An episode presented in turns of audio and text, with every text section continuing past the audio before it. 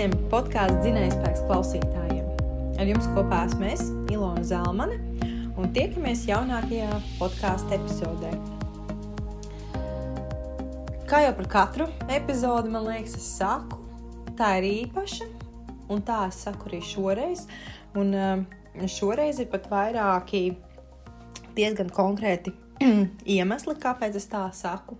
Pirmkārt, uh, šodienas sarunas viesis man ir uh, kāds, kurš pie manis viesosies jau atkārtoti. Tas ir nebijis gadījums, un es nezinu, vai tā vēl kādreiz būs, vai šis ir īpašs izņēmums. Redzēsim. Uh, otra lieta - iepriekš bija iespējas iesūtīt un uzdot savus jautājumus. Un lieki nevilkšu garumā, teikšu to, ka man sarunas viesa ir Zane Zābere. Zana ir kočs, kas specializējas ēšanas psiholoģijā un ēšanas traucējumu ārstēšanā. Un tā kā pēdējā laikā arvien biežāk es redzu, dzirdu un saņemu ziņas no cilvēkiem, kuri tieši raksta par to, ka viņi saskārušies ar emocionālu ēšanu, viņi nesaprot, kā iegūt kontroli pār saviem uzturu paradumiem, kā labāk izprast par savas emocijas un ko tādās brīžos darīt, piemēram, kad rodas vēlme pārēsties vai kā atrast to ideālo balansu un daudz citu jautājumu. Tad, nu, mums kaut kā ar zemi diezgan vienā laika periodā sakrita domu gājiens, un mēs sapratām, ka par šo jautājumu ir nepieciešams runāt vēl un atkal. Un tā nu mēs kādā jaukā, skaistā rītā tikāmies uz sarunu, lai mazliet vairāk un nu jau detalizētāk parunāt tieši par to, kas aktuāls ir podkāstu klausītājiem, vismaz tiem, kuri bija gan drosmīgi un iesūtīja savus jautājumus. Bet nu gan nevilkšu lieku garumā, iztiksim bez pārmērīgiem ievadiem, ķersimies klāt sarunai ar Zani. Sveika, Zana! Sveika, Ilona! Nu, prieks ar tevi atkal tikties uz sarunu. Uh, iepriekš mēs tikāmies, nemaldos, tas bija kaut kad uh, pavasara beigās, maijas iespējams, tas varēja būt, ja man atmiņa mm -hmm. nebija. Un, uh, Daudz runājām par ēšanas traucējumiem, par to, kāds atsaucās uz cilvēku ikdienu, ko ar šādām problēmām vispār var darīt un mm. kāpēc tam noteikti ir jāpievērš uzmanība. Un arī pēc sarunas zinu, ka arī tu un arī es saņemu ļoti daudz pozitīvas atsauksmes no cilvēkiem, kā šī saruna viņiem ir palīdzējusi, likusi aizdomāties un beidzot pievērst tiešām uzmanību tām lietām, kas visu laiku ir uh, tikušas atbīdītas malā. Mm. Un tagad uh, arī pie visiem visiem apstākļiem, pie visas situācijas, kas notiek uh, mums tuvāk un vispār pasaulē. Uh, Šie jautājumi tāds ir atkal ir aktualizējušies. Un arvien biežāk es saņemu arī vēstules no cilvēkiem, un tieši uzturziņā pirmā lieta, ko cilvēki min, ir emocionāla ēšana, nevar apstāties ēst, nezinu, kā sevi kontrolēt un tā tālāk. Un tā ir, nu, teiksim tā, tas nav pētījums, tā ir mana personīgā uztvere ar cilvēkiem, kuriem es esmu kontaktā. Uh, mm. Šī problēma paliek ar vien tāda sāsinātāka. Un tad es gribēju jautāt eh, tev, kā tu uz to skaties, vai tu arī šobrīd jūti kaut kādu izteiktu trendu, pieaugumu, vai kaut kas tāds ir pamainījies pa šiem mēnešiem. Jā, Ilona, tik tiešām tā ir. Tāpēc es tik ļoti priecājos par mūsu otro uh, epizodu ierakstu, jo uh, nevien manā darbā, manā darba ikdienā, kā es dzirdu arī tavā, vai ne, bet arī pat globāli, tiek tik tiešām uh, pierādīts, ka ēšanas traucējumu skaits ievērojami palielinās. Un, kā jau mēs runājām arī pirmajā sarunā, tam obligāti nav jābūt klīniskam ēšanas traucējumam, lai, lai cilvēkam būtu tik tiešām ievērojams problēmas, kā tu apraksti, nemitīga pārēšanās vai, ne, vai nes, nespēja, nespēja kontrolēt ēšanu. Un, un arī ļoti bēdīgi tas, ka tomēr arī klīniski ēšanas traucējumi tik bīstami kā anoreksija un bulimija skaits palielinās. Uh, Man liekas, ka Londonā veselības sistēmai bija jāatver vesela jauna um, nodaļa, gultu skaits tikai tāpēc, cik daudz ēšana, cik ļoti pieauga ēšanas traucējumu skaits šajā laikā. Tā kā jā, Ilona, tas tev noteikti taisnība. Un, un cerams, mēs varēsim cilvēkiem arī šodien sniegt atbalstu, informāciju un, un, un saprat, saprotošu savus tiem, kas uh, cīnās ar ēšanas traucējumiem vai ar neapmierinātu ēšanas uzvedību savā ikdienā. Jā, es arī nepieminēju to, ka šī ir ot, jā, otrā epizode, kad mēs ar tevi jau runājam, mēs runājam mājā, tos pateicu. Iespējams, ir kāds cilvēks, kas šo epizodu klausīsies kā pirmo, un tad droši vien intereses vadīts atgriezīsies pie tās, kas bija maijā.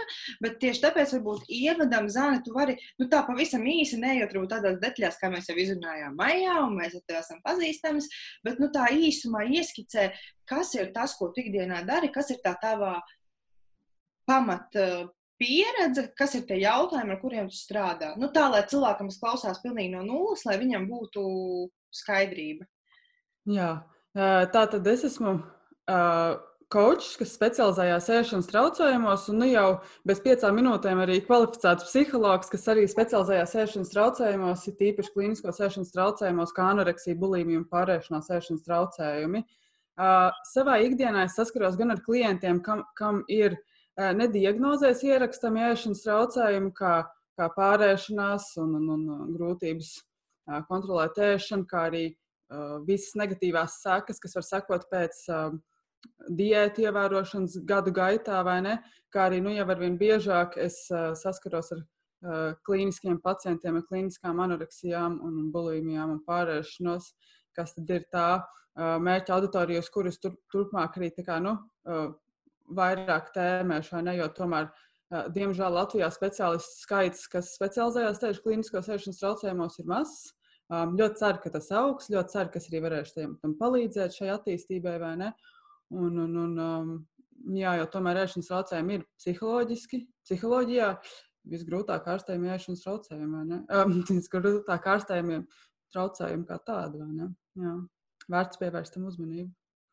Un, jā, tu mini kā klīniski ēšanas traucējumi, tas izklausās ļoti nopietni, tā, bet tādam ikdienas cilvēkam, uh, varbūt varam arī tieši precizēt, kas ir šie ēšanas traucējumi, vai kā tos atpazīt. Ja tu neesi bijis pie speciālista, tu pats vēl varbūt tikai sāc domāt, ka varbūt tev ir šī problēma, tu neesi pārliecināts, kā vispār zināt, vai tev tas skar.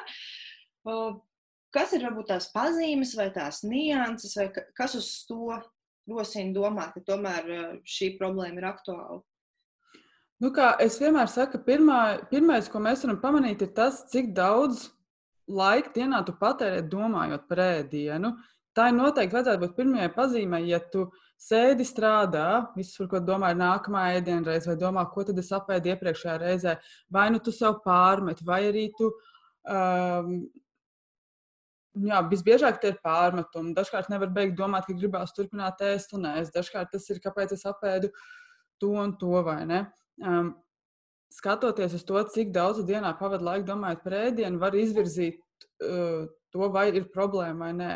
Nu, ja, nu, tu, ja tu dienā, ja tu nemitīgi pievērš uzmanību ēdienam, uh, ir grūti pievērsties darbam, hobijam, bērniem un tā tālāk, tad noteikti var, apakšā tam varētu būt kāda problēma un ir vērts pakonsultēties ar kādu par, uh, par ēšanas problēmām. Tas varētu būt kaut kas tāds nu, mazāk uh, mazāk klīnisks, tā teikt, vai ne? Klīniski ēšanas traucējumi, nu, anoreksijas gadījumā tā ir ļoti ievērojams svaru zudums. Um, tas, kas būtu pirmais pamanāms, vai ne? Um, pašam prātā ļoti noliedzošas domas pret ēdienu, ļoti naidīgas balss par to, ja es esmu ēdis, tāda kā tāda iekšējā balss, vai ne? Ļoti tāds negatīvs dialogs. Tas jau varētu tā, nu, sākt liecināt par anoreksiju? Bulimijas gadījumā, protams, ir uh, gan šīs negatīvās domas, kas mijās ar milzīgām pārēšanās laikmēm, kur tad sako kompensēšanas mehānisms. Gribu arī uzsvērt, ka kompensēšanas mehānisms ir nevien mums visiem zināmā vēmšana, bet arī caurējas līdzekļu lietošana un pārmērīga sportošana. Ar tādu domu, ka, oh, es apēdu to, man tagad ir jāsporto tik, tik daudz, lai es to visu sadedzinātu, un vēlams vēl šī balss negatīvā saka, nu tad vēlams vēl plusā sadedzināt, vai ne? tā arī uh, ekstrēmos gadījumos var tikt uh, tā, mē, nu, um, tā kā klasificēta kā bulimija. Un pārēšanās ēšanas traucējumi būtu tad, kad dienā tu pamani, kad nepārtraukti pārēdies, nenotiek nekāda kompensēšana, svars nāk klāt, un dažkārt pat ļoti, ļoti daudz nāk klāt. Nu, tur jau varētu skatīties, vai tas ir klīnika, klīniskais pārēšanās ēšanas traucējums īstenībā tik interesanti, jo nu, savā ikdienā, pēc, cik es strādāju arī sporta jomā, kā treneris. Mm. Un par sportu runājot, arī es vienmēr eh, treniņos, gan ko es organizēju, vienmēr uzsveru to, ka pirmkārt un galvenokārt sports ir veids, kā mums rūpēties par savu veselību un kā mums justies labāk. Un neatkarīgi no tā, vai mērķis būtu nomest arī to svaru vai kaut kas cits, vai tieši pretēji audzēt muskuļus vai kas no kuram, bet Tas viss būs, tas nāks papildus, bet tā nav tā primārā lieta, kāpēc tu celies un kāpēc tu kusties un kāpēc tu to dari, samainīt to attieksmi. Un nekādā, nekādā gadījumā es neaicinu un nepieļauju tādu, nu, vismaz, cik man ir ietekme, ka treniņš tiek izmantots kā tāds, jā, kā sevis sodīšanas līdzeklis, vai lai atstrādātu apēsto vai nedod Dievs vēl nopelnīt sev ēdienu nākamajai maltītei. Bet es nekad nebiju uz to paskatījusies no tāda konteksta, ka tu arī varētu klasificēt un likt zemēšanas um, traucējumiem. Tas... Jā, tā, tas ir, tā, tas ir tā, tiešām tāds mazāk izplatīts, jo sports tiešām ir brīnišķīga lieta. Jebkurš psihologs vienmēr ieteiks uh, sportu papildus depresijas diagnozēm, trauksmes diagnozēm, lielākoties visām diagnozēm, jo sportam tiešām ir fantastiski. Um, blakus parādības ir arī tādi, tāds, tādi joks ar psihologiem, ka viņi saka, ka um, ka, ja varētu ielikt vienā kapsuliņā to, ko dod sportiskas aktivitātes, tad uh, tās būtu pieprasītākās zāles pasaulē. Tā tiešām ir. Bet uh, gadījum, pie anoreksijas gadījumiem un bulimijas gadījumiem tas tiešām var tikt izmantots ļaunprātīgi. Tā slimības balss to ļoti interpretē, liek pārsportoties un rezultātā nu, varbūt patiešām nopietnas veselības problēmas. Tā kā, jā, ja kāds mūs klausās un sāk pamanīt to, ka jā, vispār es eju sportot, lai brīnišķīgs vārds, ko tu minēji, kā tieši ēšanas traucējums runā mūsu galvā, lai nopelnītu ēšanu. Cilvēks ir pelnījis ēst jebkur un jebkad, jebkurā situācijā, vai ne? Um, nopelnīt ēst, lai sadedzinātu visu, vai ne? Š, ja tāds ir tikai un vienīgi tas vadmotīvs vai galvenais vadmotīvs, jā, nu tad nedaudz ar maigumu pret sevi un varbūt paprast kādam atbalstu.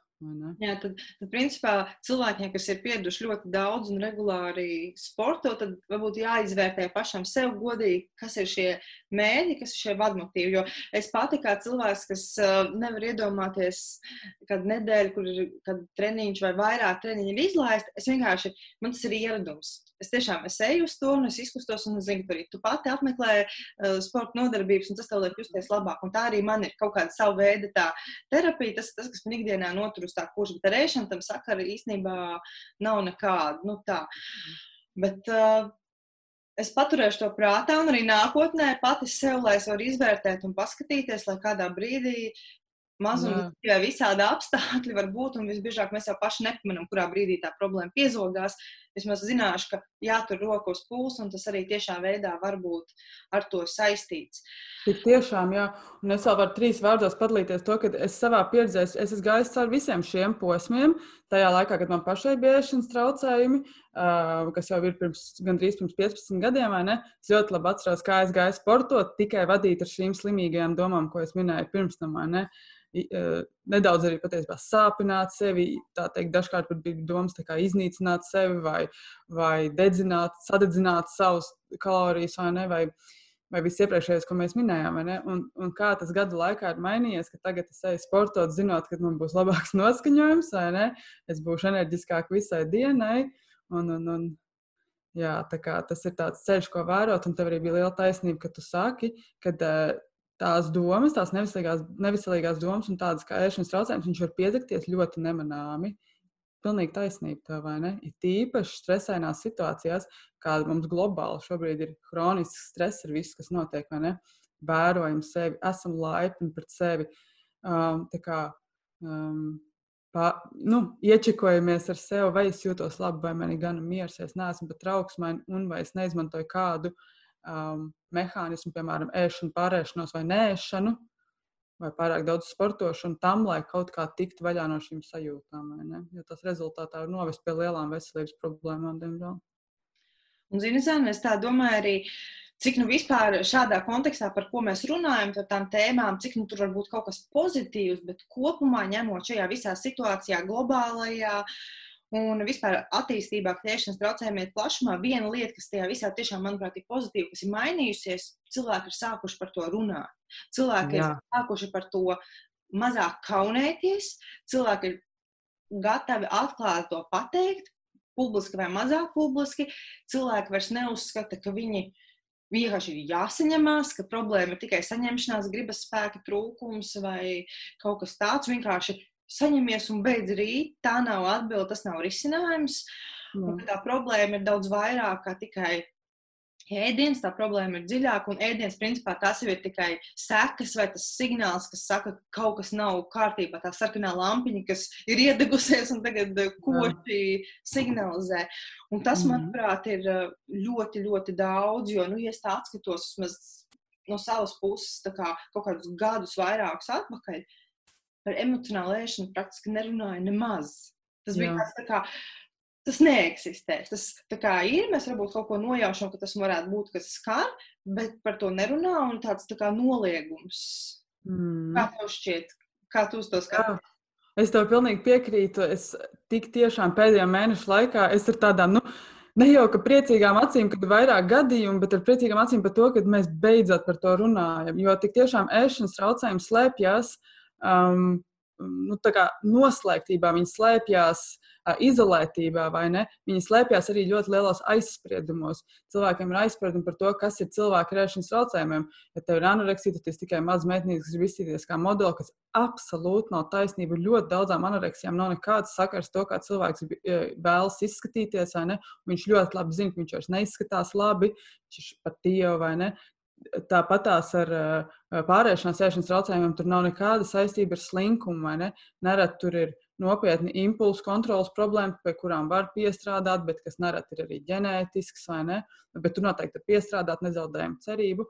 Tā ir pilnīgi taisnība, um, kad uh, pēdējā laikā mēs par to runājam vairāk un tiek kliedēti šie um, stereotipi, kas veicina cilvēku vēlmi vērsties pēc palīdzības. Jo viena no visbiežāk sastopamākajām lietām, ko es sastopu savā praksē strādājot ar klientiem, ir, kad viņi saka, man ir liels kauns par to runāt, un es nāku pie tevis, tāpēc, ka tev ir bijuši ēšanas traucējumi, un es zinu, ka tu man nenosodīsi. Ja cilvēkiem ir bail, ka cilvēki, kam nav bijuši ēšanas traucējumi, vienkārši to nevar saprast. Es domāju, ka var, ja ir brīnišķīgs psihologs, kas pats ar to, vai kāda veida speciālists, kas pats, pats nav saskāries ēšanas traucējumiem, bet ir no sirds vēlās palīdzēt saviem klientiem un ir gatavs klausīties, kā tas īsti ir, kad ir ēšanas traucējumi, viņš noteikti arī var to saprast, vai ne? Bet, bet jā, par to vajag runāt vairāk. Mēs runājam vairāk brīnišķīgi, un arī tavs tavs, tavs šis brīnišķīgais podkāsts noteikti arī tam palīdz. Nu, es tā ceru, jā, tāds, tāds būtu tas mērķis. Ja kādam tiešām palīdz un noder, tad es zinu, ka uh, katrs ieguldītā stunda minūte šajā darbā noteikti atmaksājās. Jā. Bet, jā, bet par to emocionālo veselību man tas pat nav tikai ēšanas traucējumos, tas tāpat laikā par tādām lietām kā depresija vai depresīvas domas vai panikas slēgnes vai viss vis kaut kādi dažādi emocionālās veselības faktori. Arvien vairāk cilvēku to runā, to atzīst, ka tā ir reāla problēma un par to nav jākaunās un tas ir jārisina. Un īstenībā par to vēl vairāk ir jārunā tieši tāpēc, lai visi cilvēki saprastu, ka šādas lietas ar to nevajag sadzīvot, ar to nevajag ciest, ar to nevajag um, apspiest un kaut kā censties uh, tikt tam cauri izslīdē, bet tiešām jāmeklē tas veids, kā to atrisināt.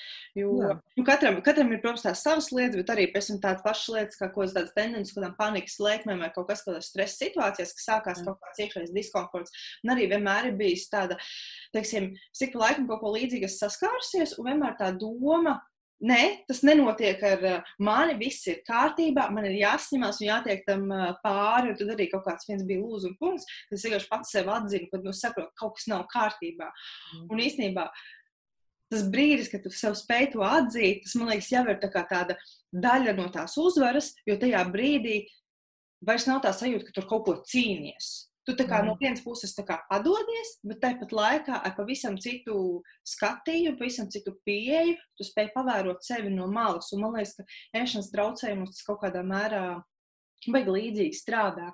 Tā, tā ir pilnīgi taisnība. Un viss tās vēstules, tie jautājumi, ko cilvēki rakstīja, nu jā, tad arī tie, kas nezina, tad bija iespēja arī, kas tāds īpašs unikāls gadījums. Pirmkārt, tas, ka šī pirmā epizode, kad es tiekos ar kādu viesi atkārtoti, jo, nu, lai gan kā, tas nav koncepts, bet tāpat laikā man īsti nav koncepts. Es vairāk vados pēc tā, kas ir svarīgs un kas ir aktuāls. Mm. Uh, bet otra lieta, arī iepriekš es nekad neizziņoju iespēju uzdot jautājumus, vai nesaku, kas būs saruna viesis. Uh, Bet šoreiz šāda iespēja tika dota, un arī cilvēki rakstīja, un jautājumus mēs saņēmām. Un, uh, es domāju, kā mēs tagad darīsim. Varbūt vienkārši iesim cauri pēc kārtas. Es izlasīšu saņemto jautājumu vai situāciju, tu pastāstīsi, kā tu to skaties, parunāsim, padiskutēsim, un tad jau redzēsim, kā tā saruna veidosies. Jā. Uh, labi, tad viens no jautājumiem, secība šeit galīgi nav svarīga. Secība vienkārši saņem mm. jautājumu kārtību, kā es pierakstīju. Uh, tad uh, pirmais jautājums ir situācija, kā tikt galā ar rījības lēkmēm. It kā visu zinu, kas jādara, bet vienalga nesanāk. Jo vēl tikai šo reizīti pierīšos, visu stūķēju ar laimes sajūtu, bet pēc tam gan ir slikti. Mm. Jā, bieži dzirdēta situācija. Vispirms šim cilvēkam, kas iesūtīja šo jautājumu, gribu teikt, ka viņš noteikti nav viens, ka tādu cilvēku ir daudz. Un, ja man, pie manis uz sesiju atnāk klients un teikt šādu frāzi, šādu teikumu, ne?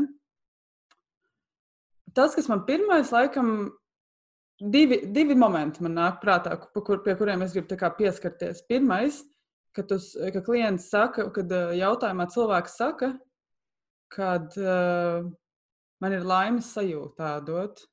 Mums pirmais jautājums būtu, vai tu jūties laimīgs ikdienā, kāpēc tev vajag ēst, lai justos laimīgam, ko tu varētu citi darīt ikdienā, lai justos laimīgāks? Jo vismaz viena funkcija šai ēšanai ir laimes sajūta, prieks, um, iepriecinājums dienas beigās. Ļoti izplatīts iemesls, kāpēc cilvēki pārēdā, pārādās, un to var panākt citādākos veidos ikdienā, mācoties prasīt cilvēkiem vārdiem, mācoties eh, pastāvēt par savām vajadzībām. Tā būtu tā viena lieta, kam es pievērstu uzmanību, un, patiesībā par šo jautājumu jau varētu izvērsties vairākas sesijas, kādu funkciju pilda tava pārēšanās. Un otrs, kas, eh, uz kur, kur man uzmanība pieķerās, ir tas moments, kad cilvēks saka, vēl tikai šo vienu reizīti. Te būtu mazliet tāds, teikt, tāds skarbāks pieejams, pievēršam uzmanību katrai šai vienai reizei. Es vienmēr cilvēkiem saku, nenosodīt sevi, bet reģistrēt to, kā tu par to jūties. Reģistrēt tieši to, cik slikti, cik neapmierināti tu jūties. Um, te ir tas moments, kāpēc nenosodīt. Jo tikko kāds sāks to nosodīt, atkal gribēsies pārēsties, vai ne? Nevis nosodīt, bet ar vēsu, stingru prātu paskatīties. Reku, atkal es sev taisu ziepes, atkal es jūtos slikti, atkal es pārēdos par daudz, par daudz, vai ne? Kāpēc? Reģistrējam, tas man nestrādā, man tas nepatīk. Man nākamajā dienā sāp vēders, es, man ir uzpūties vēders, varbūt es pat esmu piepams, vai ne? Uh, ar ūdeni, ūdeni aizturēts ūdens pārēšanās rezultātā, pievērst uzmanību šīm visiem negatīviem aspektiem, kāpēc tā ir liela motivācija tā vairs nekad nedarīt. Tikko mēs pamanām, kā kāds ieradums mūsu dzīvē pilda tik tiešām lielu disfunkcionālu lomu, cik viņš negatīvi mūs ietekmē, mums ir uzreiz motivācija to mainīt. Kā arī trešais punkts būtu, kur varbūt drīzāk es konsultētos ar kādu kā, uzturu koču kā tu, Ilona, vai ne, būtu, vai cilvēks ikdienā ēd gana daudz, jo nereti pārēšanās lēkmes ir vienkārši loģisks iznākums tam, ka mēs visu dienu, liekot, es lieku pēdiņās, ēdam pareizi, kas absolūti nav pareizi, ne, tur tikai salāta lapiņas par maz, visa kā vai ne, vakarā cilvēks vienkārši nogurs, gribās ēst. Apskatām šos trīs punktus, vai ne? Tur es tev pilnīgi noteikti varu piekrist. Un skaidrs, ka ne jau vienmēr eh, tas būs risinājums. Dažreiz tiešām tas problēmas ir emocionālā puse un pēc tam dzīves diezgan. Bet uh, nereti ir šīs situācijas, kad cilvēks saka, man visu laiku gribās saldumus ārprāts, es esmu atkarīgs no saldumiem, es nezinu, ko darīt, es ēdu emociju uzplūdā.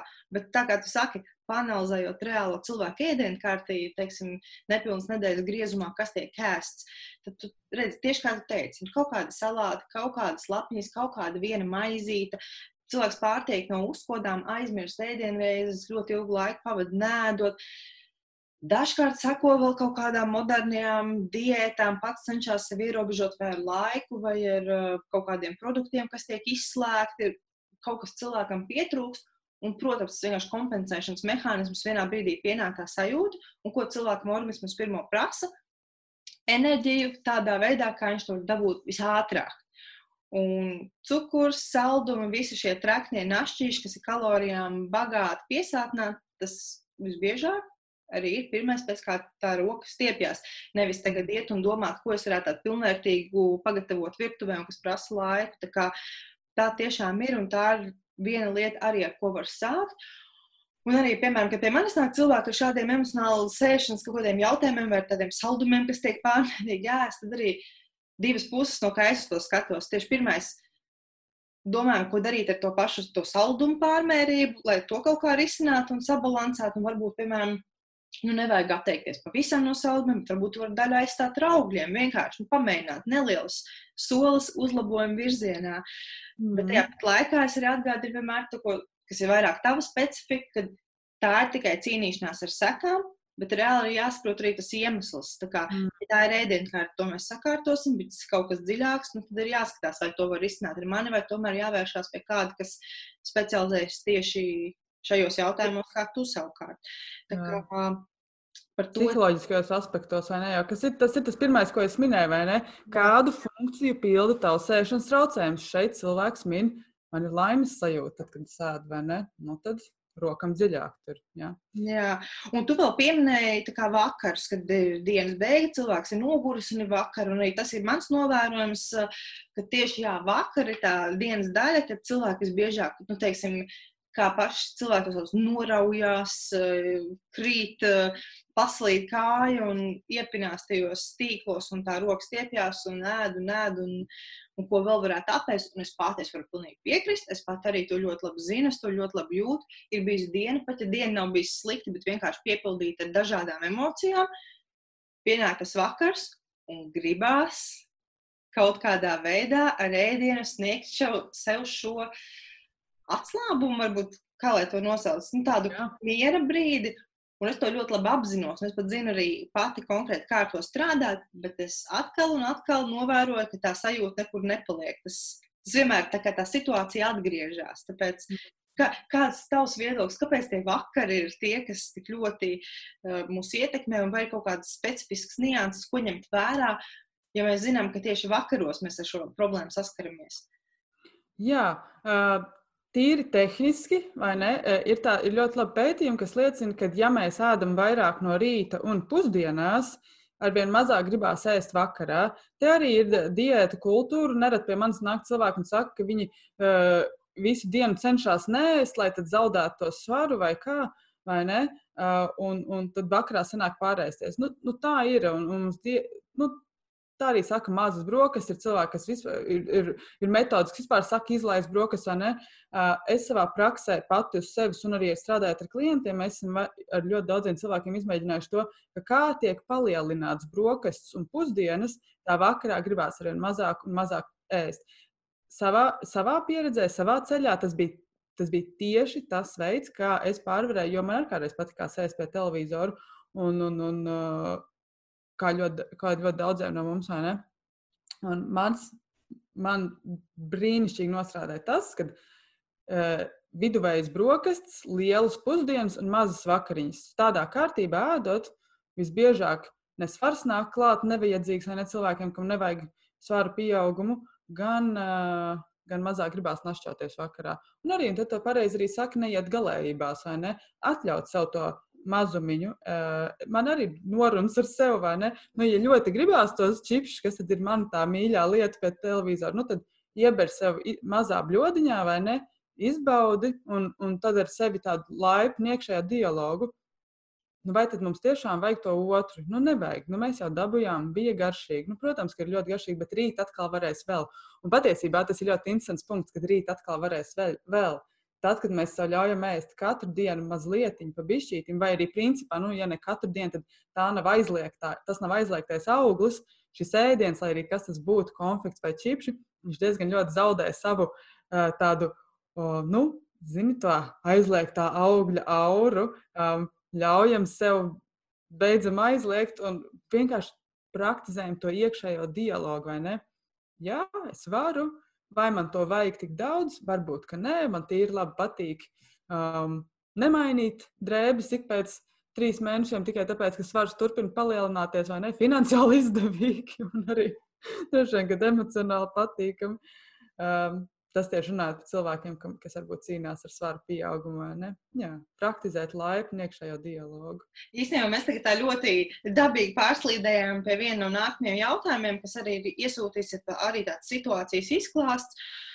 Tad es nolasīšu. Mm, man nu jau rēti emocionāls sajūta sakārto saldumu, jo nevar atrast citu ris risinājumu, kā sajusties labāk.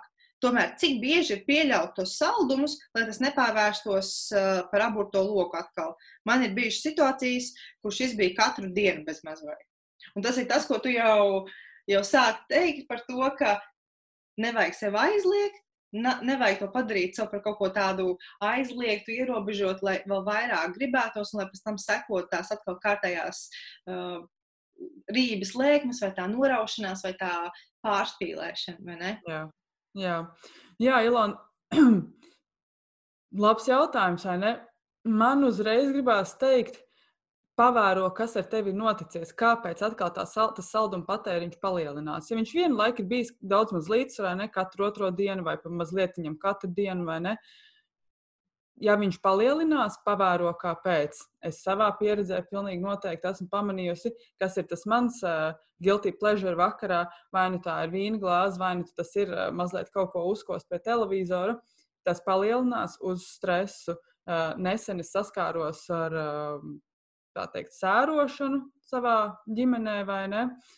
Kas uh, kas ļoti pastiprinājuši šos manus ieradumus, es, bet tā iekšējā apziņa pamanīt, jā, man ir grūti, es patiešām pārdzīvoju. Kā jau iepriekš minēju, tā atzīšana vien jau kaut kādā mērā tevi atbrīvo no tā sloga, ko tu nes.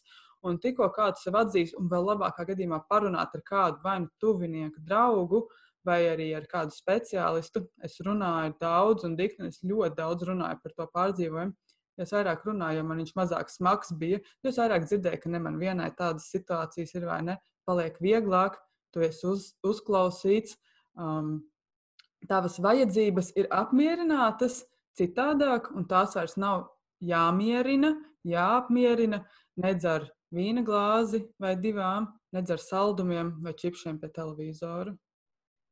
Jā, tur es, tur es tikai piekrītu. Un es no savas puses varu pateikt par to, ka nu, ik pa laikam arī cilvēki jautā, nu, kas atnāk, un tipisks jautājums savos lietām, saka, nu, tagad saki, kas ir aizliegta produkta, ko es nedrīkstu ēst, ko es nedrīkstu darīt. Cilvēki pirmais pēc kā viņi atnāk, man pēc gatava uztur plānu, kad viņiem ir stingras vadlīnijas, ko tev ir jādara, un tu nedrīkst tā kā atkāpties, vai arī ka tu, ko tu nedrīkst ēst. Un cilvēki ļoti pārsteigts, viņiem saka, tu varēsi visu, es tev vispār neesmu šeit nekas, kas varētu kaut ko aizliegt, vai atļaut, vai noteikt. Mm -hmm. Tu ēd pats, tu veido savu identitāti, tas vienkārši nāk ar saviem, teiksim tā, ieteikumiem, vai ar skatu no malas, ko tu varētu uzlabot, vai pie kā tu varētu piestrādāt. Cilvēki ļoti pārsteigti, kā es tagad pats kaut ko domāšu, plānošu, ēdīšu, bet kā taču es ēdu tik daudz saldus, es ēdu to, es ēdu šito. Kā, nu, Cilvēki mm. nesapratnē, ko vispār ar šo situāciju darīt un kā to risināt. Man arī tas, ka es pasaku, tu varēsi saldumus, un tas nav nekas slikts. Problēma nav tajā, ka cukurs būtu pasaules lielākais ļaunums, bet problēma vienkārši bieži vien tajā apjomā. Jā, jā. Mēs to apēdam. Un vienkārši mm. vajag atrast to vidusceļu skaidrs, ka nevar pārtikt tikai no saldumiem. Šādā galējībā, protams, kad būtu ar steigu jāvieš kaut kādas korekcijas, bet es nerunāju par galējībām, es runāju par tādu vidēju, normālu situāciju. Un pat ja te saldumi ir katru dienu, tad arī man vairāk jautājumu būtu nevis par to, kāpēc tu tos saldumus un tagad izslēgt saldumus ēst tikai sestdienās vai svētdienās, bet vairāk par to, Vai tu ej tiešām to, kas tev garšo, vai tu izvēlējies tādus saldumus, kas tev sniedz šo prieku, vai tas nav tā, ka tev rokā automātiski pastiepās un tu apēdi kaut ko nebūtu. Tieši tā. Man ļoti daudz cilvēku saka, man pat negaršo. Es pat nezinu to garšu, vai nepa, eh, nepamanu to garšu, bet es ēdu ieradumu pēc. Ļoti interesanti piesaistas teorija. Piesaist, piesaisti tas, kā mēs um, piesaistamies savu tuviniekiem, vai ne, mammai, tētim vai jebkuram, kurš mūs ir uzaudzinājis. Piesaistas teorija ļoti interesanti skaidrot to, ka šī ēšanas kustība kā tāda, ka lūpiņas kustās bērniņi, tas ļoti nomierina pie mammas pupiņu bērnībā, un mēs joprojām to ņemam līdzi pieaugušā dzīvē. Dažkārt kustināt vienu muti mūs nomierina, vai ne? Um, tā kā Varbūt vajag sarunāties ar saviem ģimenes, kā, ģimenes locekļiem, tuviniekiem, draugiem, jāpiezvan kādam arī kaut kāda sava veida uh, darbība, kustība ar uh, muti. Jā. Jā. Bet uh, vēl otra lieta ir tas, jā, vai mums tas tiešām garšo, jo, manuprāt, ja tu ēd saldums, tas ir tāds, nu, kaut kādā mērā tomēr tas ir Tas ir prieks, tā ir bauda. Es tikai par to, ka ēšana ir bauda. Es neuzskatu, ka ēšana ir tikai mehānisms, ar ko mēs sevi kā mašīnu pielējam ar degvielu, bet mēs tomēr varam arī izbaudīt. Tāpēc mums ir dota garšas izjūta un vispārējais. Viens ir tas, vai mums tas garšo. Otrs jautājums ir, kā tas tiek apēsts. Jo man liekas, ka arī dažkārt problēma ir tāda, arī ko es pat esmu pieķērusi sev, es ielieku sev saldējumu trauciņā, skaistā trauciņā, es tagad ēdīšu, izbaudīšu, man garšo, viss kārtībā, es ieslēdzu seriālu, Es pat nepamanu, kā es to saldējumu esmu apēdus. Es tikai paskatos, o, izēsts. Un šajā brīdī atkal problēma ir tajā, ne jau tajā pašā salduma faktā, bet tajā, ka, ja es to ēdu, tad man būtu tam jāvelta uzmanība, man būtu jāizjūt garši, mhm. jāizbauda un tiešām jāgūst tas, ko es no šī sagaidu. Bet, tas, ja tas tiek apēsts mehāniski, nu tad, man liekas, šādā formātā es pieļautu sev tikai apēst uh, tvaicātu brokoli vai kaut ko tādu, ja nu galīgi vajag. Nu, tas, tas tā pa jokam, jā, bet ja es gribu ēst kaut ko tādu citādāk, tas būtu pelnījis pienācīgi šo mirkli novērtēt. Un kā tev? Jā, jā. jā Tik tiešām, uh, pilnīgi noteikti tas palīdz arī patiesībā izbaudīt to ēdienu, vai ne? Labā restorānā, ka mēs aizjām arī, vai ne? Mēs pievēršam uzmanību tam ēdienam, viņš labi garšo, tā ir absolūti bauda, un mums tik liela to porciju nevajag, vai ne? Mājās tik tiešām mēs varam praktizēt līd, līdzīgas lietas, tā ir tā apzināta ēšana, vai ne? Veltam uzmanību ēdienam, gan kā viņš smaržo, gan kā viņš izskatās, gan kā viņš, uh, uh, vai ne, garšo tieši tā, vai ne, mutē. Pievēršam tam uzmanību. Uh, Taču es bez televizora, vai ne? Jo, jo, jo tas tiešām var novērst uzmanību, kā tu minēji, trīs sekundes man vairs nav nekā. Tā arī tas ir, vai ne? Bet šeit es gribu atzīmēt to, ka uh, apzināta ēšana brīnišķīgi strādā cilvēkiem, kam varbūt ir bijuši pārēšanās ēšanas traucējumi un arī dažos gadījumos bulimijas traucējumi. Taču apzināta ēšana noteikti nestrādās cilvēkam, kam ir anoreksijas spektra traucējumi vai traucējumi, ka cilvēks ir ļoti uh, trauksmēns par to, ko viņš ēd, kā viņš ēd, arī ortoreksijas gadījumos, vai ne? Um, šeit apzināta ēšana nepalīdzēs, un te es tik tiešām cilvēks aicinātu pie anoreksijas, ortoreksijas vai tam līdzīgiem traucējumiem gadījumiem. Ieslēdz to televizoru, skaties televizoru un nē, paralēli. Tas būtu tieši tas, novērst domas no tā ēdiena. Ja? Tieši tā, un strādājot ar saviem anoreksijas pacientiem savā praksē, tas viņiem visvairāk, tas ir tiešām viens no labākajiem mehānismiem, palīdzēt nedomāt tam cilvēkam, jo apzināta ēšana nepalīdzēs cilvēkam ar anoreksijas tipu traucējumiem, vai ne? Mm, tas gan tā arī ir interesants nianses, jā, ko ņemt vērā. Ka atkal, atkal kārtībā reizes pierādās, ka nav tāda viena pareiza atbilde, viens risinājums, ko mēs varam likt klāt visām situācijām, visiem cilvēkiem. Mm. Viss ir jāskatās kontekstā, jo man ļoti bieži man jau liekas, jau pašai tā kā, es nezinu, anekdoti, cilvēki kaut ko raksta vai jautā, un es nezinu konkrēto situāciju, tāds vispārējais jautājums, vai cilvēks vienkārši prasa manu viedokli kādā vienā jautājumā. Un tad es tā kā atbildu, bet principā es pasaku, bet varbūt arī citādāk, un tas atkarīgs no konteksta. Un tā ir tipiskā atbilde, atkarīgs no konteksta. Bet tā tiešām arī ir, nezinot visu plašo situāciju, vēsturi, kaut kādas nianses, dot tādu vienu ieteikumu. Protams, mēs varam dot kaut kādu tādu vispārējo, kā būtu pareizi mm. praksi, bet vai šim cilvēkam konkrētajā situācijā tas tiešām derēs, to ir ļoti mm. grūti pateikt. Mm. Bet, uh, jā, vēl par tiem saldumiem, arī ko es tieši no tāda uzturu viedokļa, uzturu plānošanas viedokļa, cilvēks raksta bez mazliet katru dienu. Uh, ja godīgi man tā prasītu, nu, cik bieži drīkst ēst saldumus, es atkal es nevaru iedot šādu vienu atbildi. Cik daudz vai cik bieži, jo tas būs atkarīgs no katra cilvēka, no katra cilvēka kopējā uztura, kas tiek ēsts pārējā dienas laikā, cik bieži tiek ēsts, cik daudz tie saldumi tajā reizē tiek ēsti. Ļoti daudz nianses, ko ņemt vērā, bet principā mm es nevaru apgalvot, ka apēst katru dienu kaut ko saldu ir kaut kas slikts. Jo, atkal, ja mēs skatāmies, cilvēks visu nedēļu, katru dienu nē, nē, nē, nē to saldumus, kā tu jau teici, un pienākā nedēļas nogala, nu tad es tagad ēdīšu. Tad jau nu gan viņš visticamāk neapēdīs to vienu končiņu vai vienu saldējumu mm. trauciņu, bet apēdīs visu saldējumu kasti. Tāpēc, mm. manuprāt, un kā arī jāstāsta no situācijas, bet es drīzāk teiktu, ieplāno to savu našķītu, to šokolādes gabaliņu vai to zefīra pusīti, vai nu kas mm. no kuram ir tas, kas viņam garšo, ieplāno, zini, ka tu to apēdīsi, tu neapēdīsi visu paku, apēd to tajā dienas laikā, kad tu vēlies to izdarīt, izbaudi, dzīvo tālāk. Viss pārstāja par to domāt, lai tā doma visu laiku galvā nemaļās un nevalkās līdzi. Un, Jo tas saldums, tas gabaliņš jau visticamāk neko sliktu nenodrīs. Drīzāk vairāk tā emocionālā puse, kas, um, kas visu laiku mocīs un nospiedīs un liks par to domāt. Un tā kā tu saki, ka, ja tu visu dienu par to domā, tad jau kaut kas signāls kaut kas nav īsti riktīgi. Un, un no uzturu viedokļa arī es pārsēdu cilvēkam šajos gadījumos saku, ka vairāk fokusēties nevis uz to, ko nedrīkstēs vai ko nevajadzētu, bet vairāk domā par to, ko tu ēd, ko, tu, ko tev vajadzētu ēst, kas tev liek justies labi, kas tev liek justies spēdušam un sniedz enerģiju uz ilgāku laiku.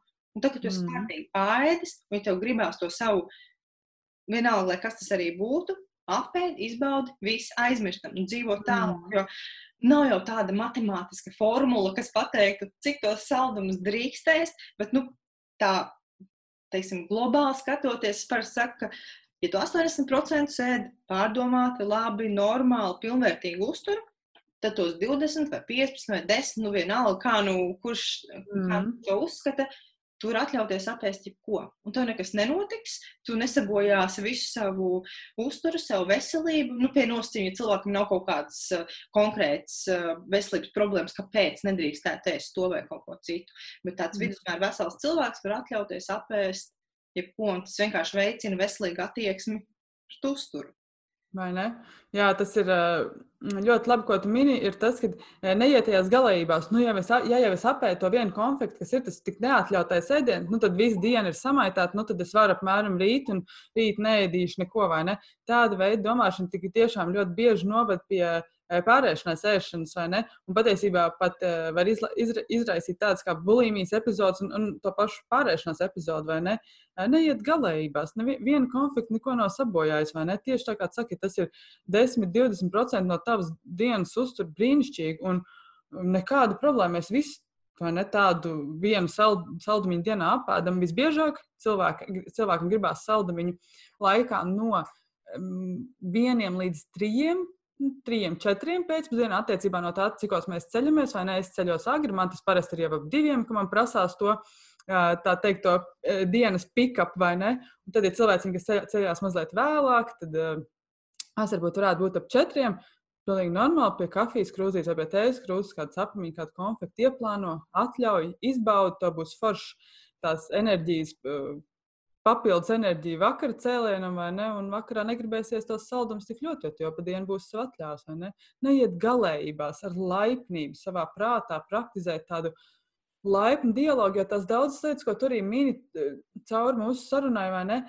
Kā cilvēki atnāk ar jautājumiem, vai tad es drīkstu patiešām ēst to un šito, vai ne?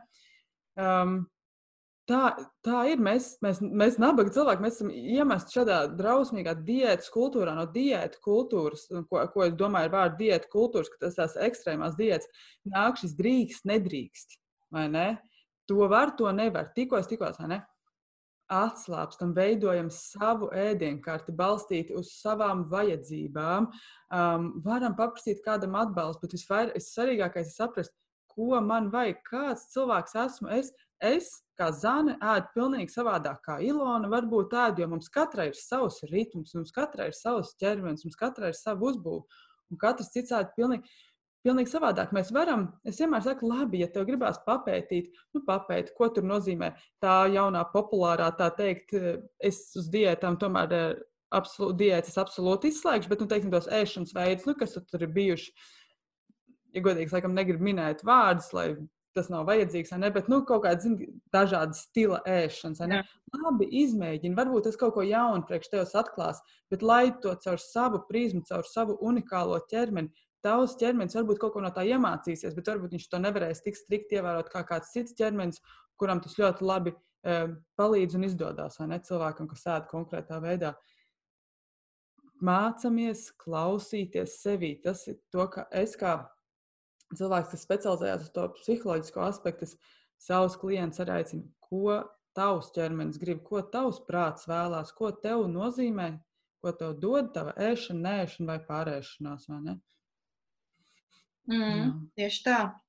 Un uh, arī uh, tu pirms tam pieminēja par to, par apzinātu ēšanu, kad ir atsevišķi gadījumi, eh, kā anoreksija un ortoreksija, kuros pat mm. piesaka, ka varbūt skatīties to televizoru vai kaut kā novērst savas domas no ēšanas, vienkārši pārēst. Nevis tiešām mm. ar visu uzmanību vēl vairāk tajā iedziļināties. Un uh, tieši arī viens no jautājumiem konkrēti un tieši bija, ko darīt ortoreksijas gadījumā. Un tad varbūt Zana to var tā pavisam, pavisam īsi pateikt, ja nu kāds nezina, ko ortoreksija nozīmē, tad pateikt, kā, kas ir ortoreksija, kādas tās tipiskās arī pazīmes un kā zināt, vai tas uz mani skar vai tas man neskar. Un tad parunājam, pastāst par to, ko tad darīt vēl šādā situācijā. Nu, viena lieta jau tā kā iemeti, bet noteikti ir vēl kaut kas, ko var darīt. Mm. Ortoreksija ir tāda pārspīlēta, ekstrēma, tīrā ēšana, vai ne? Uh, um, ēšanu, kurā tu ļoti sīkumaini pievērs uzmanību, kas ir tas, ko tēdi, no kurienes tas varbūt nāk, vai tas ir bio vai nebio, vai ne? Um, cikos tēdi, kad tu ēdi, kādus uzturgrupus tur iekšā, tāda pārspīlēta, sāsināta, pat trauksmaina uztvere par to. Jā, visas no šīm lietām mēs varam mazliet domāt līdzi, no kurienes ēdiens nāk, tur pievērst uzmanību, vai tas ir labi audzēts vai nē viss ir kārtībā. Kamēr tas neaptur tavu dzīvi, kamēr, kamēr tu neēd tikai un vienīgi bioloģiski ēdienu no tās audzētājs, kas izslēdz absolūti iziešanu draugiem ārā uz kafejnīcu, aiziešanu pie kādas ciemos. Tikko kā tā vēršanas uzvedība sāk izslēgt normālu sadzīvi, tur ir problēma. Un ortoreksija viņa slēpjas tādā, es atkal lieku pēdiņās, veselīgajā ēšanā, kas, protams, nebūtu nav veselīga. Viņa ir pārspīlēta, nereti šāda ortoreksija pavada ļoti līdzīgas domas, kā anoreksija. Ļoti skaļš, nosodošs iekšējais dialogs, kas tevi vērtē negatīvos terminos par to, ko un kā tu esi apēdis. Ja tu esi apēdis kaut ko ārpus atļautā, ne, kas šai slimībai, problēmai ir tas atļautais. Um, psihologi tajā kā to sauc, ja rokas grāmatā DSM, vai ne? Diemžēl ortoreksija vēl nav ierakstīta kā diagnoze, bet nu, nu jau ar vien vairāk cilvēku to atpazīst un strādā ar to arī kā ar traucējumu, jo viņi tiešām ir ļoti līdzīgi anoreksijai. Un mēs pat varam izvir, izvirzīt tā tādas pieļaujumus, ka tas var novest līdz anoreksijas dabas traucējumiem, kas ir ļoti, ļoti bīstami traucējumi. Ilgtermiņā neārstāt, neārstāt ortoreksiju vai ne. Jā, jūs arī esam tieši mēs runājam par to, kas ir veselīga ēšana. Tad es arī uz to kaut kā skatos tādu plašāk nekā tikai tas, ko, ko tu uzliec uz tā sava šķīvja un ko tu apēdi, bet vairāk, vai tas sevi ietver arī emocionālo veselību, emocionālo pašjūtu un labklājību. Jo, ja tu ēd, bet tas tev liek justies slikti, iedzert stresā, tu esi emocionāli kāds tāds trauksmains, tad tas, manuprāt, jau principā to nevarētu saukt par veselīgu un sakārtot uzturu. Un otra lieta arī veselīga attieksme pret ēdienu, pret sevi, pret pasauli apkārt, pret citiem. Tu nē, tu nesties ko ēd tavs kaimiņš, kas ir blakus, nezinu, citu kolēģi šķīvī, nevērtē, nesalīdzina, neanalizē, tu vienkārši pārēd tu ieklausies sevī, kā tu jūties. Un ne tālāk dienas gaitās. Tā kā, mhm. manuprāt, pēc savas būtības veselīga ēšana tas, tas ir krietni plašāks termins nekā tikai šķīvi saturs, vai ne? Jā, tieši tā, jā. Mm. Nu, lūk, tad, tad principā, tad vēl tad kaut kādi soļi, varbūt, vai kaut kādas papildus lietas, ko tu vēl vari ieteikt cilvēkiem, kas visu, ko tu izstāstīji, kas tad ietilpst un kas tad varētu tikt klasificēts kā šī uh, šī arī problēma, šī situācija, kā to labāk saukt. Ko cilvēkam darīt, vai kas būtu tāds, noklausies, saprat, jā, klausies, tas ir par mani. Mm. Kas būtu tāds nu, pirmais vai pirmie trīs, ko sākt darīt lietas labā? Vai tas ir jautājums par ortoreksiju jā. vai par visu jau pārunāto? Tas, tas vairāk būtu jā, par ortoreksiju. Cilvēks par visu to pārunāto, ja viņš saprot, ka nu, kaut kas no tā visa attiecās uz manis. Tas tā trauksmēnība, tas, ka uh, es ļoti domāju par to, kā es, e, kā es veselīgi, un ka varbūt tas ir iet tā kā pārmērīgās galējībās. Un cilvēks mm. saprot, klausoties, uh, nu, ka jā, kaut kas no tā visa es jūtu, varbūt nevienmēr, bet attiecās uz manīm. Kaut kas nav īsti rīktīgi, ko man tagad darīt, kā man to mainīt, vai kā man pie tā tagad sāk piestrādāt. Nu, tie pirmie soļi, ko pats var darīt, teiksim, tā pašpalīdzības ceļā. Mm. Pirmais ir atzīt sev, jā, vispār man nav veselīgas attiecības ar ēdienu. Man, ši, mans, man, man mans ēš, ēšanas veids nesagādā mieru. Viņš pat kaut kādā mērā var sagādāt baudu, tieši tāpat kā ar anoreksiju, jo tas ir tas ļoti pārspīlētais kontrols mehānisms, kas patiesībā cilvēku prātā ieslēdz tādas izdzīvošanas mehānismus. Tāpēc tas ir kaut kādā mērā tāds kaifa stāvoklis un tā tālāk. Tāpēc es gribu teikt, ja pamanīt, vai tā vēršana sagādā mieru, vai ir patīkama, vai ir mierīga, vai tu vari vakarā mierīgi apsēsties pie, pie, pie galda ar saviem mīļ, mīļajiem cilvēkiem un pāriest normāls vakariņas? Atzīt, man ir problēma, ne? Vēlams arī at, palīdzīgi, punkts, kas var palīdzēt, ir arī atskatīties uz atpakaļ, kad man tas sākās, vai ap to momentu, kad man tas sākās, pat divu gadu uh, rādījusā, vai ne? Vai varbūt notika kaut kas ļoti satraucošs priekš, ma priekš manis. Kāpēc es tā sāku ēst? Vai man kāds kaut ko pateica par manu izskatu, vai es pats sāku sev nosodīt, vai man varbūt bija sāpīga šķiršanās, atlaišana, varbūt es pārvācos, varbūt kāds uh, manā ģimenē aizgāja uh, bojā, vai ne? Kaut kas ļoti, ļoti stresains, kaut kas satraucošs, kaut kas, kas tev prasīja, man tagad jāmainās, lai būtu labāk, vai ne? Uh, apskatīt, vai ir bijusi tāda vēsture, um, būt tā kā tādam laipnam pret sevi un tā, tā kā nu, tā kā tādam laipnai, laipnam draugam paprasīt, vai tev viss kārtībā, vai ar tevi kaut kas notika, kāpēc pēkšņi tā daru, vai ne? Tas ir tik brīnišķīgi parūpēties vienam par otru, mēs arī varam parūpēties pats par sevi, bet, um, un, protams, ja ir iespēja tik tiešām padalīties ar kādu tuvu cilvēku, kādu, kam tu uzticies, zini, ko man nav tik viegli, man liekas, ka man varbūt ir problēma. Un tad jau šī dalīšanās vien var tev palīdzēt tikt vaļā daļu no no tās daļas no tās spriedzes, kas pavada šo pārmērīgi uh, strikto ēšanu, vai ne? Un tad jau, ja tomēr tas līdz galam nepalīdz, tad arī vērsties pie kāda profesionāla palīdzības un atbalsta. Un, zini, kā, kas vēl no manas puses, ko es arī esmu novērojusi, par ko man īstenībā ļoti liels dusmas, un vienmēr es par šo tēmu, nezinu, vai sākt runāt, jo es vienmēr uzvelkos, es cenš, centīšos šoreiz neuzvilkties, un, uh, sarunu noturēt tādā, tādos mierīgos uh, toņos, bet uh, Tā, tas ir veselības industrijas teiksim, produktu pakalpojumu mārketings. Un, tas, kas bieži tiek izmantots šajā mārketingā, tā ir spekulācijas ar ko? Ar cilvēku bailēm. Ar cilvēku bailēm par savu veselību, par savu dzīvību, par savu dzīves kvalitāti. Un šis mārketings bieži vien ir diezgan tieši, diezgan skarbs bieži vien tie pārcenoti uztura bagātinātāji, kurus iespējams cilvēks nevar nemaz atļauties. Viņam iespējams daudz vērtīgāk šo naudu būtu novirzīt kvalitīvā uzturā, vienkārši mm. pamainīt kaut kādas pamatlietas, bet tiek radīts kāds produkts, kāds eh, vienalga. Un es nerunāju par to, varbūt pat šis produkts vai šis konkrētais vitamīns vai uztur, varbūt tas pat ir ok un tas ir vajadzīgs, bet tas, tu to vari nopirkt gan lētāk, gan izdevīgāk, gan vienkāršāk, bet tiek pasniegts kā brīnuma līdzeklis. Jā. Un, lai cilvēki šo pirktu, un lai viņi to lietotu, lai viņi to darītu, tiek pasniegtas teorijas, viņas pasniegtas tādā gaismā, ka principā vai nu tu to dari, vai ja tu to nedari, tu principā ar vienu kāju esi tur, kur tu negribētu būt. Mm. Un pat ja cilvēks to saprot, es pat pēc sevis to zinu, es ļoti labi zinu, kā šie mehānismi strādā un kā šīs spekulācijas ar faktiem notiek, cherry mhm. pickings un, un, un kā, teiksim, tā, kā darbojas cilvēku prāts, ja mēs runājam par šādām lietām. Es to visu zinu, bet katru reizi, kad es kaut kur atkal to lasu vai dzirdu, es jūtu sevī to nemieru, šo trauksmi, ko tas man rada.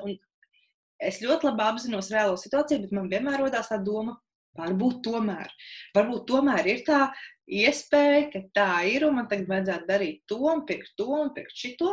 Un tas pats ir arī dažādām diētām, ar dažādiem trendiem. Jo nu, skaidrs, kā diena, kad tie, kas izdomā šos jaunos visādus ēšanas virzienus, vai diētas, vai kaut kādas tādas koncepcijas, Tur galā ir kāds, kas ar to pelna lielu naudu. Kāds, kas, mm. kāds, kas raksta grāmatas, kāds, kas raksta produktus, kāds, kas to izplata un kāds no tā iegūst.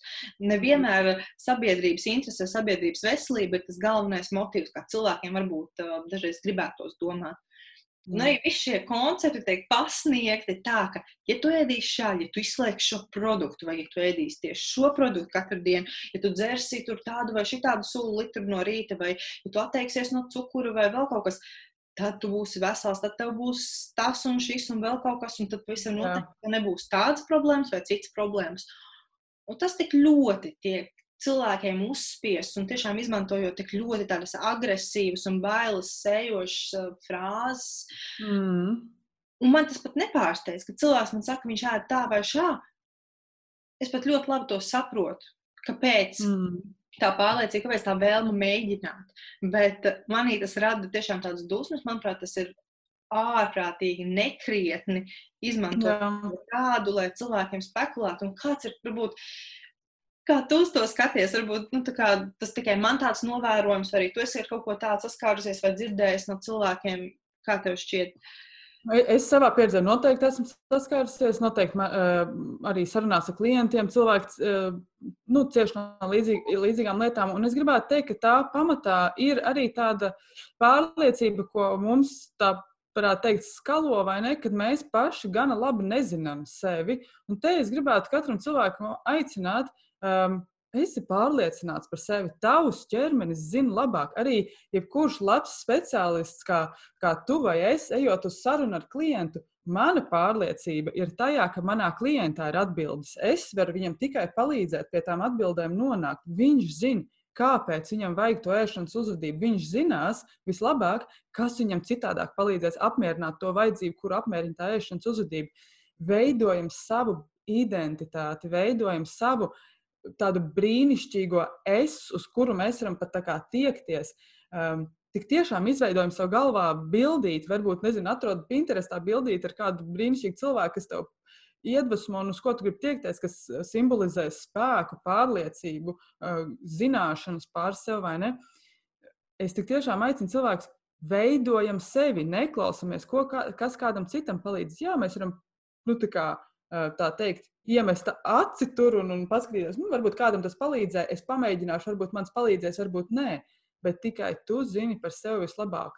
Klausīties sevi, klausīties savā ķermenī, savā prātā, dzirdēt savas individuālās vajadzības un paļauties uz to, ka es zinu vislabāk. Mans ķermenis zina vislabāk. Vispārējie cilvēki var man tikai palīdzēt uh, to uzlabot. Mm, piekrīt, pilnīgi piekrīt. Un es tiešām ļoti, ļoti, ļoti ceru, ka šis viss, ko tikko teica, tas šis vēstījums sasniegs pēc iespējas vairāk cilvēku. Jo es saku, kaut kā pēdējā laikā pie manis visu laiku tie mēsīļoties ziņas tā kā nāk, un tā sajūta, ka es pati tā kā es to redzu, un tas, tas nav patīkams, nav viegli, un tā spēja ieklausīties sevī tā viennozīmīgi, manuprāt, ir uh, atslēga. Un tāpēc arī es tā kā nekad neapstrīdu kategoriski, vai šis nedara, vai tu nedari tās ir muļķības.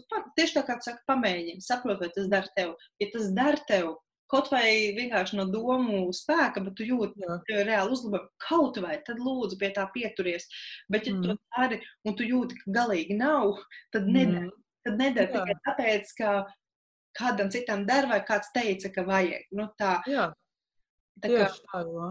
Mm, jā. Kā, man liekas, tu ļoti labi pateici, un es tiešām jā, ceru, ka cilvēki to uztvers, izlaidīs to ar sevi un arī paņems kaut ko, vismaz kripatiņu nākamreiz uh, aizdomāsies. Jā, es tik tiešām aicinu, jo uh, šī tāda praksa, ko mēs nereti darām sesijas, jau tā kā tādā kā nobeiguma posmā, kad mēs drīzumā tā kā vai nu plānojas vai nu mēs esam nonākuši pie kaut kāda risinājuma, vai kā, kad aicinu klientu izveidojam to savu jauno es, izveidot to jauno mērķi. Līdz, ta, līdz šim tas mērķis nebija zināms, vai līdz šim tas mērķis bija ekstrēms slaidums, kas absolūti nestrādā, vai ne, un tos ķermenis nemitīgā badā izveidojam kaut ko jaunu, kaut ko foršu, kaut ko motivējošu. Tas cilvēkam ir tāds. Eju, bet tiešām man var būt citi mērķi, man, tik, man tas sagādās tādu prieku uz viņiem virzīties. Aicinu visus, kas mums klausās, pamēģināt. Jā. Jā, nu labi, ejam tālāk pie kaut kāda nākamā jautājuma, nākamās situācijas. Tad uh, tā skatos, kur mēs, cik mēs tālu tikām. Jā, tad kāpēc vēlme ir, bet gribas spēks ātri pazūd? Trīs dienas, trīs dienu laikā uzsākot tievēt. Tieši par mm. tievēšanu tur runāja par mērķiem. Nu, lūk, tad gribas spēks un tā nespēja pieturēties. Kā tu uz to skaties? Es domāju, um, klausoties šo jautājumu, pirmais, kas man nāk prātā, ir, ka droši vien tā diēta un tas uh, notievēšana vienkārši ir pārāk ekstrēma. Tāpēc es zūdu, tikko kā cilvēkam zūd uh, um, enerģijas resursu uzturu ziņā, viņam zūd arī uh, psiholoģiskā kapacitāte noturēt. Tas ir spēks, iet roku rokā, gan garīgais spēks ar fizisko spēku, fizisko spēku veido uzturs, iet roku rokā tikko kā mēs turam pārāk lielā badā tas neizdosies, ne? Tas, ja cilvēkam tik tiešām ir objektīvi iemesli, ka jā, man vajag zaudēt svaru, tas, ko es parasti aicinu savus klientus, ir lēnām un mierīgi ilgtermiņā mainīt dzīvesveidu, attīri savu ikdienas ēšanu no mazām nevajadzīgām lietiņām, no varbūt no vienas konfektītes tur un otras uh, um, kolas glāzītes te vai ne. Lēnām, mierīgi attīri. Ie, iesaist savā ikdienā nedaudz vairāk vingrinājumus, 30 minūtes šitam, 30 minūtes tur vai ne tā vietā, kur tu agrāk brauc uz liftu, paņem uzkāpt pa trepītēm, vai ne? Cilvēkiem, kas cīnās tik tiešām ar lieko svaru, vai kuriem ir objektīvi iemesli zaudēt svaru. Tas, ko es tagad saku, neatiecās cilvēkiem, kam jāpieņem svarā, kas ir pie anoreksijas diagnozēm, kas ir pilnīgi kaut kas cits, vai ne? Mīļie klausītāji, esam apzinīgi par to, kas mums katram vajadzīgs, vai ne? Bet, ja tik tiešām vajag zaudēt svaru, lēnām, mierīgi, attīram, vai ne? Pētījumi pēc pētījuma pierāda, ka ātri svaru zudumi nekad nav noturīgi, un visbiežāk viņi nāk atpakaļ ar uzviju. Nevis visbiežāk, bet pētījumi pierāda 99% gadījumos. Tāpēc arī nesanāk, vai ne? To cilvēciņu, kas rakstīja šo jautājumu, pamēģina kaut ko jaunu, nevis ātri un fiksi zaudēt svaru, bet kā būtu, ja divu gadu laikā nomainīt uz savu dzīvesveidu, mazliet veselīgāku, mazliet aktīvāku un skaties, kur tavs ķermenis rezultātā būs, vai ne? Vesels, priecīgs tādā formā, kādā viņš grib būt, kad viņš ir vesels un stiprs un laimīgs. Zinu, pilnīgi tā kā nolasīja manas domas, jo arī par šo jautājumu tas bija mans pirmais, kas man nāca prātā. Man gribējās jautāt pretī, kas ir šīs metodas, kas tiek izmantotas svara samazināšanas sasniegšanai, kas tev prasa tik milzīgu gribas spēku. Jo arī ikdienā cilvēki nāk un prasa kaut kādus ieteikumus. Arī tas svara samazināšana īstenībā tas ir diezgan populārs mērķis. Lai gan pēdējā laikā, par ko es patīkam pārsteigt, ar vien vairāk cilvēku nāk vienkārši ar domu, ka pirmā viņi vēlas sakārtot savu uzturu un saprast, kas viņiem liek justies labāk, kas priekš manis ir medus maize un tāds nu, tiešām tā kā saldējs ēdiens, ja to varam šā, tā nosaukt.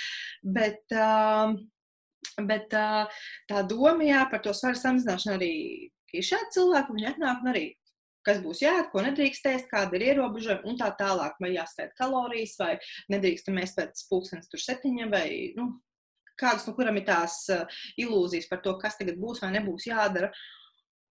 Un tagad tiem cilvēkiem, principā, tie ieteikumi ir tādi paši kā arī kā tiem, kas to svaru nemaz nevēlas varbūt samazināt, bet vienkārši sākt eh, pieķerties savas ēdienkartes sakārtošanai. Tās pašas ikdienas kustības, ko tu mīni, viens uzkāp lieku reizi pa trepēm vai papildus varbūt kāda sporta nodarbība, kas sagādā prieku. Nu, mhm. tādas pamatlietas, kas negarantē tev nedēļas laikā kaut kādu maģisku ciparu, kur tagad nometīsi un viss, kas būs. Bet laikam ejot, tie pat nav divi gadi. Īstenībā pat tie ir atšķirībā no tā svara, ko cilvēks vēlas samazināt, tie pat var būt daži mēneši. Tieši tā, trīs mēneši parasti tas pirmais laiks, kad parādās rezultāti. Jā. Un to izdarot vienkārši pamainot savus ieradumus, kā arī tu jau teici, pamainot savu dzīvesveidu. Nevis pieslēdzoties kaut kādai īstermiņa diētai, kurai ir sākums, kurai ir beigas, bet reāli domājot par lietām, ko tu vari ievērot ilgtermiņā. Tāpēc arī cilvēks nāk un tagad ar savu šī brīža ēdienkarti, un, piemēram, es redzu, ka tur nu, ļoti daudz lietas, pie kā ir potenciāls piestrādāt. Nekad nav tā, ka viss no šīs nedēļas tagad dari to, to, to, to, to, to, to un vēl to.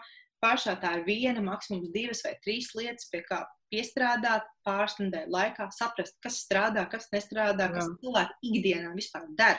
Jo liela mm. problēma cilvēki bieži aizmirst par to, ka mēs katrs esam unikāls tieši ar to, ka mums ir savs dzīves ritms, savi pienākumi, savs uh, režīms. Un katram ir savas lietas, kas derēs. Kāds varbūt vienmēr var gatavot mājās un sagatavot ēdienu visai nedēļas priekš. Kāds varbūt lielākoties ēd ārpus mājām. Tas arī ir ok, ja cilvēkam tāds tas dienas režīms. Tas varbūt labākais, ko viņš var izdarīt. Un arī šajā situācijā viņš var pieņemt mazliet labāku kādu lēmumu saistībā ar uzturu mm. vai absolūti nepiedomāt. Tā kā tas tieši kā teica, jā, man liekas, precīzi, tu liekas, smaiņas to stāstījumu. Pirmā doma, ka droši vien ir kārtējā diēta, kur tu ēdienu samazina līdz drastiskam kaloriju apjomam, kas vienkārši nepietiek, lai nodrošinātu tev pamatpilnvaņu. Mm. Un, protams, ka tu jūties slikti un trūks gribas spēks, jo neviens negrib justies slikti, manuprāt. Tas ir tieši.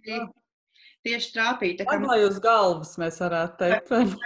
tā kā tiešām, tiešām nu, īstenībā vēl otra lieta arī, par ko es domāju, nu, pieņemot, ja cilvēkam varbūt arī nav tik traktā diēta, nav nekas tik drastisks, par ko es vēl aizdomājos. Uh, varbūt cilvēkam nav pašam skaidra tā sava motivācija. Jo es arī pēc sevis spriežu, gan arī pēc visām teorijām, no coaching praksēm, kad bieži vien uh, ir tas kā mērķis, tas virspusējais. Es gribu nomest divus kilogramus. Vienmēr mūžam liekai divi kilogrami. Ja? Man un, man liekas, ja kurai sievietē kaut kur galvā tur ir aizķērušies tie pāris iedomātie kilogrami.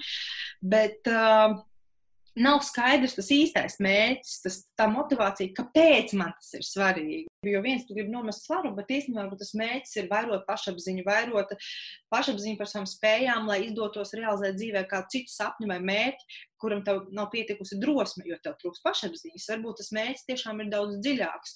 Un dažkārt pašķitinot un saprotot to īsto iemeslu, nevis tie kilogrami, bet tas, kas slēpjas, kas būs tas ieguvums, ka tie kilogrami tiks nomesti. Un tā, kad tu saproti to, tad arī tas gribas spēks vairs nav pa malām jāmeklē, bet tu saproti, kāpēc tu to dari. Nu, man tā šķiet. Ļoti precīzi, ļoti precīzi. Tik tiešām tas tā arī ir. Un, un bieži vien tik, tas, šī pār, pašpārliecinātība arī ir tas visa tā avots, ko mēs tik ļoti vēlamies iegūt no šīs svaru zunu vai kā. Un, un, un nereti tas notiek vienkārši veiksmīgi procesa rezultātā. Es, es esmu es ņemos un darbojos par savu ikdienu tā teikt, veicinot citas lietas, mēs iegūsim tieši to pašu pašapziņu, kā varbūt nemitīgi koncentrējoties, nu, ko mēs domājam, ko mēs iegūsim nemitīgi koncentrēties savu ķermeņa tēlu, vai ne? Jā. Tā ir. Laiks mums arī ļoti, ļoti strauji iet priekšā ar tevi runājot. Īstenībā, vispār šajās sarunās kaut kā pulkstenis vispār paliek otrajā plānā un aizmirst. Tas ir skaidrs, ka katram ir savi darbi un savs laika režīms un plāns, un sarunu mūžīgi turpināt mēs nevaram. Bet viens jautājums vēl ir palicis, ko tad arī paskatīsimies, ko mēs varam ieteikt vai kā mēs to varam paraudzīties. Uh, nereāli gribas daudz saldumus, kad neesmu izgulējusies. Mm. Šāds te, uh, jautājums vai situācija. Mm. Nu, tā atbilde tiešām ir vienkārša, bet cik viņa vienkārši realizē, tas ir cit, jāskatās citi iemesli, vai ne? Bet jāizguļās. Tā ir ļoti, ļoti normāla reakcija, ka ķermenis grib ēst, tad, kad viņš nav izgulējies. Kāpēc? Bet tā kā mēs guļam, mēs atpūšamies, mēs atjaunojam enerģijas rezerves. Um, tā, ja tas nav izdevies, tad ķermenis meklēs enerģiju citos veidos. Normāli. Te ir jāsaprot, kāpēc cilvēks neizguļās. Vai tās ir uh, paša, tā teikt, varbūt kaut kāds tā kā tāds mazliet slinkums, vai gribās nostīties to Netflix vēl vienu epizodu vai kaut ko.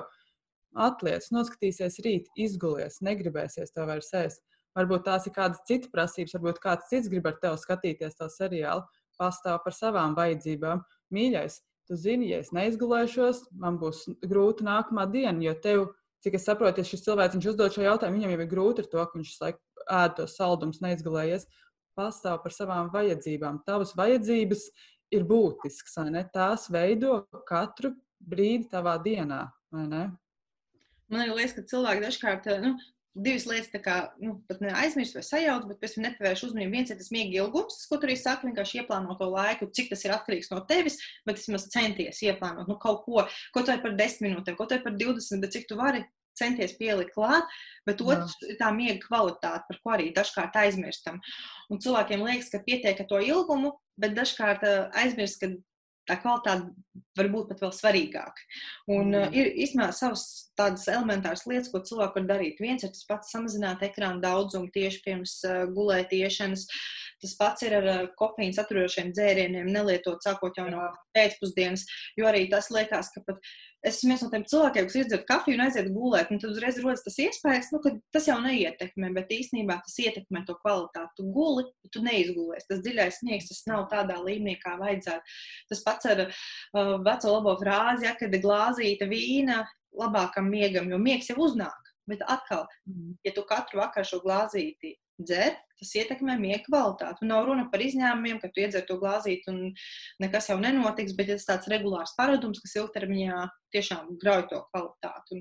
Un, Turpinot tādām lietām, kā izveidot telpu, lai būtu svaigs gaiss, piemērot uh, istabas temperatūru, ja tas ir iespējams. Nu, vairāk tādi faktori, ko tu vari darīt, pat tad, ja tu nevari ietekmēt miega ilgumu, bet tu vari mazliet uh, piestrādāt pie tā, lai tā miega kvalitāte būtu labāka. Un tieši tā kā saka, jo neizguļoties, tas pat hormonālā līmenī mūs ietekmē, palielinās mm. apetīte mm. un cilvēks vienkārši ēd. Un, protams, ka papildinot ar to, ka tās enerģijas nav, rokas sniedzās pēc tās ātrās enerģijas. Un, tā kā, Tieši tā. Tieši tā. tā. Protams, bet šajā gadījumā droši vien tieši tas, ko teici, jāsāk domāt nevis no tās salduma puses, bet jāsāk domāt no tā vispār no tā cēloņa, no tā miega trūkuma. Tieši tā, jā. jā. Nu, ko, tā, tādi nu, mums bija tie jautājumi, diezgan uh, dažādi, manuprāt, un veiksmīgi mums saruna arī izvērtās. Es ļoti ceru, ka cilvēki klausīsies, viņiem tas noderēs. Uh, mm -hmm. Bet uh, tagad pavisam Noslēgumā, pirms mēs atvadamies, es gribēju tādu vienu jautājumu no savas puses. Skaidrs, ka klāt ir svētku sezona, tojās Ziemassvētki. Šogad, protams, tie Ziemassvētki izpaudīsies mazliet citādāk no svinību aspekta un ar ko un kā mēs svinēsim un kādas būs tās tradīcijas vai pēc kā, pēc kā tas tiks darīts. Bet uh, skaidrs, ka svētki jebkurā gadījumā mums saistās ar ēdienu un tās ir tradīcijas Jā. un tā tas ir. Un, Es pat neteiktu, ka kaut kas slikts, tas vienkārši tā ir. Bet kāds varbūt būtu tavs nu, ieteikums vai novēlējums klausītājiem, kā šajā svētku sezonā, plus vēl pandēmijas laikā, viss kopā, kā saglabāt uh, veselo saprātu, kā nepazusties un kā savas emocijas neremdēt ēdienā. Jo, kā mēs zinām, ēdienā mēs re, kā, remdējam ne tikai sliktas emocijas, bet arī labas emocijas un emociju miksu, kas šajā gadījumā svētkos mums ir prieks par svētkiem, mums ir uh, uztraukums par neskaidrību ko darīt un kā nepazust, un kā, lai svētku laiks mums sniedz pēc iespējas vairāk pozitīvā, nevis jaunas problēmas, jaunas ēšanas traucējumus. Es aicinātu katru cilvēku izvē, ieklausīties savā iekšējā dialogā un pielabot viņu tādējādi, kad aicināt sevi. Es došos uz tiem svētkiem, vai nu tu dosies vai nedosies, vai pievienosies kādam tiešsaistē vai ne, un es pavadīšu patiešām patīkamu laiku ar cilvēkiem, ko es kādu laiku nesu satikusi un došu sev to, ko man visvairāk vajag kontaktu ar cilvēkiem, un nemeklēšu to nedz ēdienā, nedz nēšanā, bet tik tiešām parunāšos, pastāstīšu, kā man iet, paklausīšos, kā kādam citam iet. Izveidot tādu kā plānu saviem svētkiem, vai ne? Jā, ēdiens ir brīnišķīga lieta, un nav jau arī nevainas, ja mēs tur mazliet vairāk uzkošam tajās e, e, svētku reizēs, vai ne? To es arī gribu katram cilvēkam, kas varbūt klausās, un kuram ir vairāk kāda, nu, anoreksijas puses tie traucējumi vai ne, bez diagnozes, bet tādi ierobežojošie. Ēst ir ok, svētkos ēst mazliet vairāk ir ok, bet ar tādu iekšēju mieru, laipnību un sa sapratni par to, ka, ko man patiešām šodien vajag. Visticamāk, mums šod, šobrīd visiem vajag kontaktu ar cilvēkiem, vai ne?